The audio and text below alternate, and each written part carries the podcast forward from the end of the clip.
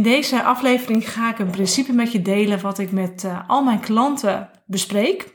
Behoorlijk snel al in het traject en wat ik ook op mijn event heel uitgebreid heb besproken. Het principe van de CEO zijn van je lijf, de CEO zijn in je lijf. Maar goed, even bij het begin beginnen. Want voordat jij de CEO kunt zijn van je lichaam, oftewel de aansturing, degene die de leiding heeft, degene die ook bepaalt uh, waar je naartoe gaat en, en dat je daar dan ook voldoende ondersteuning in krijgt, voordat je daar bent, heb je eerst leiderschap te pakken. Uh, want op dit moment zul jij geen CEO zijn van je lichaam. En dat merk je aan dat je het gevoel hebt dat je lichaam maar wat doet. Dat je geen vat krijgt op je lichaam, geen controle hebt, dat je niks snapt van je fysieke klachten. Dat je al heel veel hebt geprobeerd, van alles hebt geprobeerd om het op te lossen, maar dat het maar niet lukt om het te doorgronden. En dat zegt eigenlijk dat je ja, een soort van naar je lichaam staat te kijken van ja, er gebeurt van alles, maar ik snap het eigenlijk niet wat er nu eigenlijk gebeurt. En ook al heb je je uh, wellicht heel erg verdiept in voeding en verdiept in hoe je lichaam werkt, dan nog kan het soms een weerwaar vragen. Want ja, het is natuurlijk ook niet expertise, maar tegelijkertijd uh, ja, kan het ook heel veel emoties in je oproepen, omdat je misschien wel niet blij bent met je lichaam.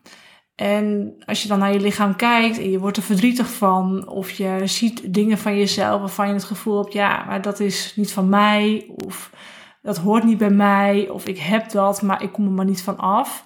Ja, dan kan dat ook heel veel verdriet oproepen. En dat kan ook vertroebelen dat je in liefde samenwerkt met je lichaam. En dat je nog de dankbaarheid er ook voor kunt voelen. En dan zul je wellicht op sommige momenten best het knopje om kunnen zetten en kunnen zeggen: Ja, ik ben ook heus dankbaar met mijn lichaam, maar het gaat niet van harte. Is dat iets wat je herkent? Het is een monoloog, dus je kan niks, terug, niks uh, terugzeggen. Maar ik denk dat het goed is dat je wel voelt dat je ook gezien wordt uh, door mij. Omdat ik ook weet uit mijn eigen ervaring hoe lastig het is als jij fysieke klachten hebt waarvan je denkt, ja, maar wat moet ik hier nou mee? En ik ga in een andere aflevering wel eens wat dieper in op mijn eigen verhaal. Maar ja, mijn lichaam is mijn grootste leraar geweest in heel veel fases van mijn leven.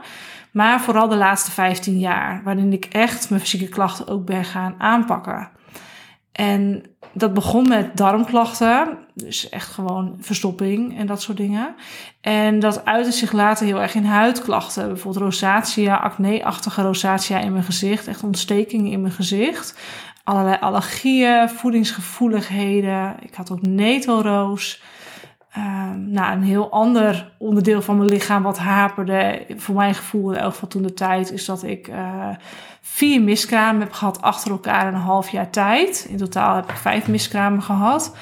Uh, maar goed, die eerste dat was dan uh, tussen kindje 1 en 2. En die andere vier in het half jaar tijd waren tussen kindje 3 en 4.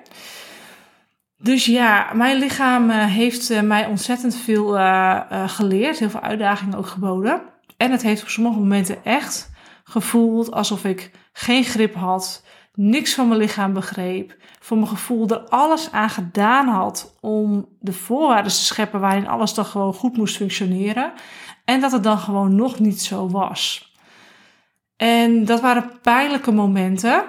Uh, het, ja, het heeft natuurlijk heel veel verdriet ook uh, opgeleverd. Zeker rond het stukje miskramen. Maar ook momenten waar ik nu op terugkijk dat ik denk, jeetje, wat heb ik toen grote, diepe blokkades van mezelf overwonnen. En wat ben ik daar dus ook sterk weer uitgekomen. En hoe meer van dat soort blokkades ik heb doorgewerkt.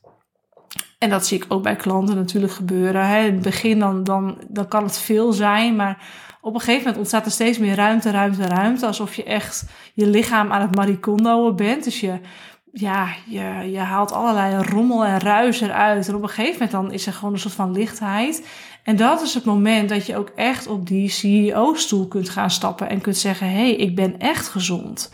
En ik heb echt energie. En nu kan ik tegen mijn lichaam zeggen: hé, hey, dit gaan we doen. En we gaan de grenzen verkennen. En we gaan ja, alles uit het leven halen wat erin zit.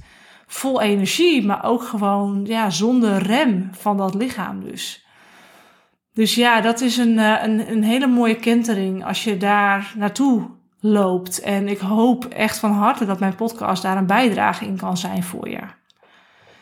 Nou, even terug naar de boodschap van deze podcast. En dat gaat over de CEO worden van je lichaam. Nou, wat bedoel ik daar dan mee? Ik leer het principe aan mijn klanten, dat ga ik nu ook in, met jou delen. Dat je jouw systeem, je totale systeem, kunt zien als een uh, penthouse waar je zit met een lange tafel. Waarbij jij als ziel, als CEO aan het hoofd van de tafel zit. En aan die tafel zitten je managers. En dat zijn je mind, je emoties en je lichaam.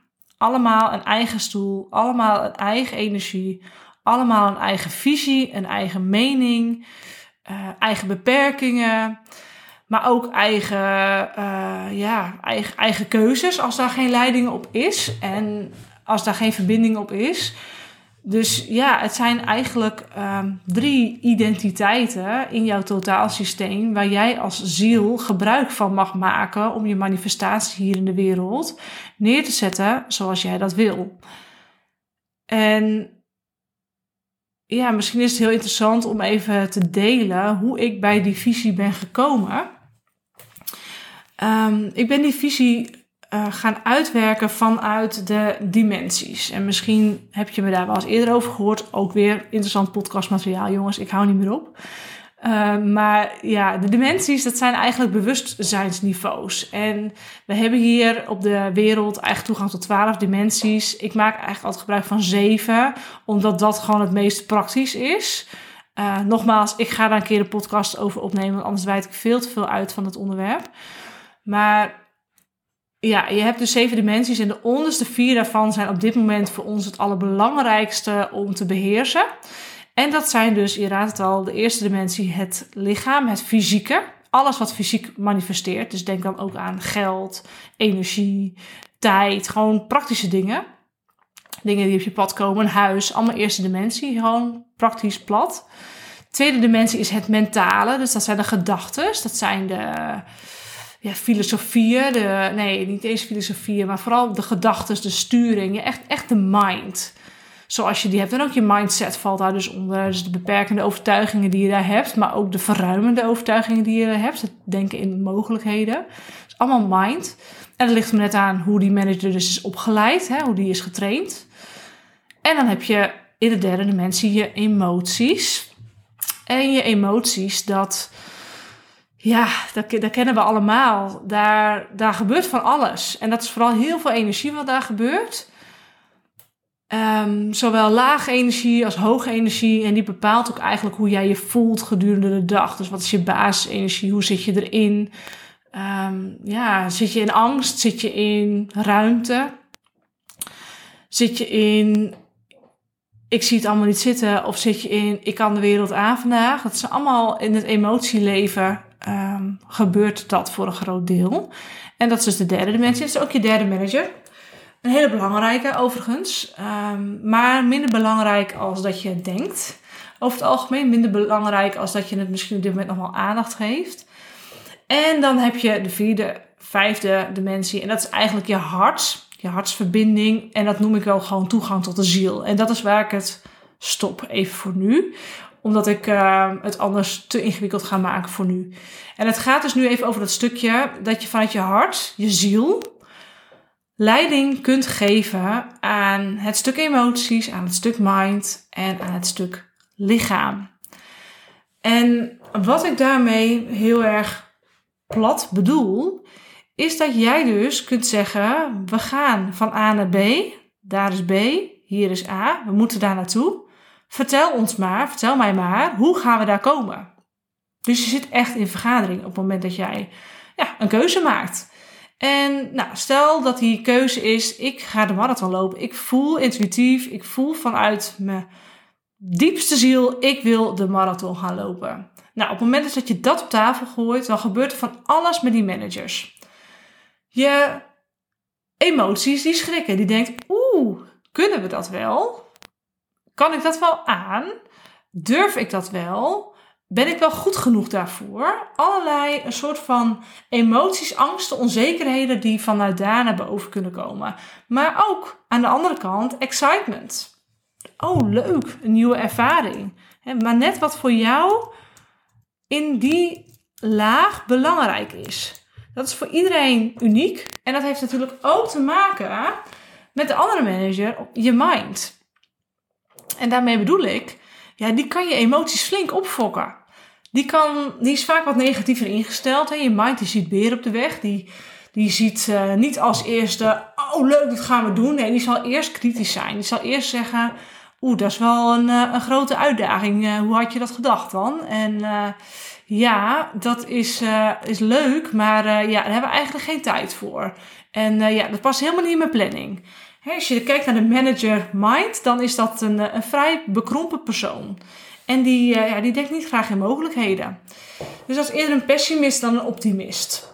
Lastig aan je managerstafel, maar daar kun je mee dealen. En dan heb je je lijf. En je lijf is over het algemeen redelijk neutraal. En die is heel feitelijk. Dus die zegt: Oké, dat is goed, maar we moeten trainen. Dat gaan we niet morgen doen. Daar trekken we bijvoorbeeld drie maanden voor uit. En ik denk dat ik dat in drie maanden wel kan, maar je moet me wel trainen. Je moet me de ruimte geven om mijn spieren op te bouwen, mijn uh, conditie op te bouwen, voorraden op te bouwen, et cetera. Dus die is vrij feitelijk in wat er dan nodig is.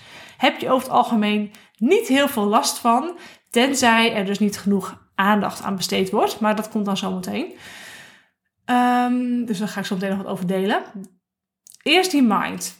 Die wil je natuurlijk sturen. Je wilt natuurlijk zeggen tegen je mind, oké, dat is leuk, ik hoor je allemaal en toch gaan we het doen. Punt. En dan geef je je mind de opdracht. Maak het planbaar. Lichaam zegt net, we hebben daar drie maanden voor nodig om dat te gaan trainen. Ga jij even een trainingsschema opstellen? Dat is dan wat het mind gaat doen. Dan moet je wel redelijk streng naar zijn. En dan gaat de mind gaat dat doen. Die gaat daarmee aan de slag die gaat denken: oké, nou tof, weet je, uitdaging. Uh, ja, geen ruimte meer om uh, hier uh, allerlei beren voor op de weg te gooien. We gaan dit doen, ik ga het bedenken. En dan heeft die mind toch in één keer best wel positieve zin. En die emoties die gaan daarin mee. Dus als die mind wat pessimistisch is, dan zijn die emoties ook wat meer negatief afgestemd. Is die mind positiever, dan zijn die emoties ook positiever gestemd. En dan, dan komt er een soort van: ja, oh, ik heb eigenlijk best wel zin in. En oeh, eigenlijk wel tof. Als we dan de finish halen, dan staan daar mensen. En dan ben ik vast heel trots op mezelf. En je, die mind is wat gereserveerd en voorzichtig. Maar als hij dan eenmaal gaat, nou, dan gaat hij ook. Nou, dat lichaam. dus je plan is gemaakt en je gaat aan de slag. En dan ga je van A naar B lopen. Super tof. Maar wat nu als jij onbewust dat lichaam een beetje negeert? Dus onbewust, laten we eens even kijken naar een iets, uh, iets praktischer verhaal, namelijk jouw leven. Of iets, iets, nou, iets minder praktisch, maar juist iets, uh, iets groters, je leven. Je wilt van A naar B je leven. Maar jij vergeet je lichaam daarin te negeren. Dus je lichaam geeft signalen. Want die emoties, die hebben niet altijd uh, de aandacht gekregen zoals jij die wilde geven op dit moment. er zijn ook nog emoties geweest die ooit genegeerd zijn geweest en weggestopt zijn geweest en opgeslagen liggen in je lichaam. En dat geldt ook voor bepaalde gedachtenpatronen en overtuigingen. Het ligt allemaal opgeslagen in je lichaam, in je cellen. En als je dan signalen krijgt van je lichaam in de vorm van zijn fysieke klachten, maar je hebt dat elke keer een beetje onderdrukt, een beetje erbij weggekeken, een beetje geprobeerd toch een fysieke oplossing te zoeken, maar niet die echte kernenergie eruit te halen. Ja, dan krijg je dus dat dat lichaam op een gegeven moment steeds harder gaat roepen, want die wordt niet gehoord. Ja, hallo, um, jij wil daar wel naartoe, maar dat kan niet, want ik zit vast. Er zijn delen in mij die kunnen niet mee. Je moet eerst nog iets oplossen voordat je überhaupt naar B kunt. Hoor je me wel? Zie je me wel? um, wil je me wel zien? En daarin zijn wij van kind af aan niet getraind. Daarin zijn wij van kind af aan niet opgeleid door onze ouders, niet bewust van gemaakt door onze ouders, omdat het lichaam altijd is benaderd als een vrij plat systeem zonder energie erin. Maar veel meer gewoon vanuit, ja, dit is gezond, want de wetenschap heeft het bewezen, dus dat doen we. Denk aan de beker melk die je misschien vroeger wel moest drinken, net als ik. Ja, melk is gezond. Dus drink het maar gewoon. Dat ga je gewoon opdrinken, of je nou zin hebt of niet. Terwijl je lichaam op dat moment misschien aan alle kanten aan het roepen was: ja, maar dit past niet en ik word hier niet blij van. En hè, je lichaam is dan genegeerd. En dat zal niet de eerste keer zijn geweest en zeker niet de laatste keer. En op een gegeven moment is er dan zo'n patroon ontstaan waarbij je ook niet meer weet wat die signalen je nu willen vertellen.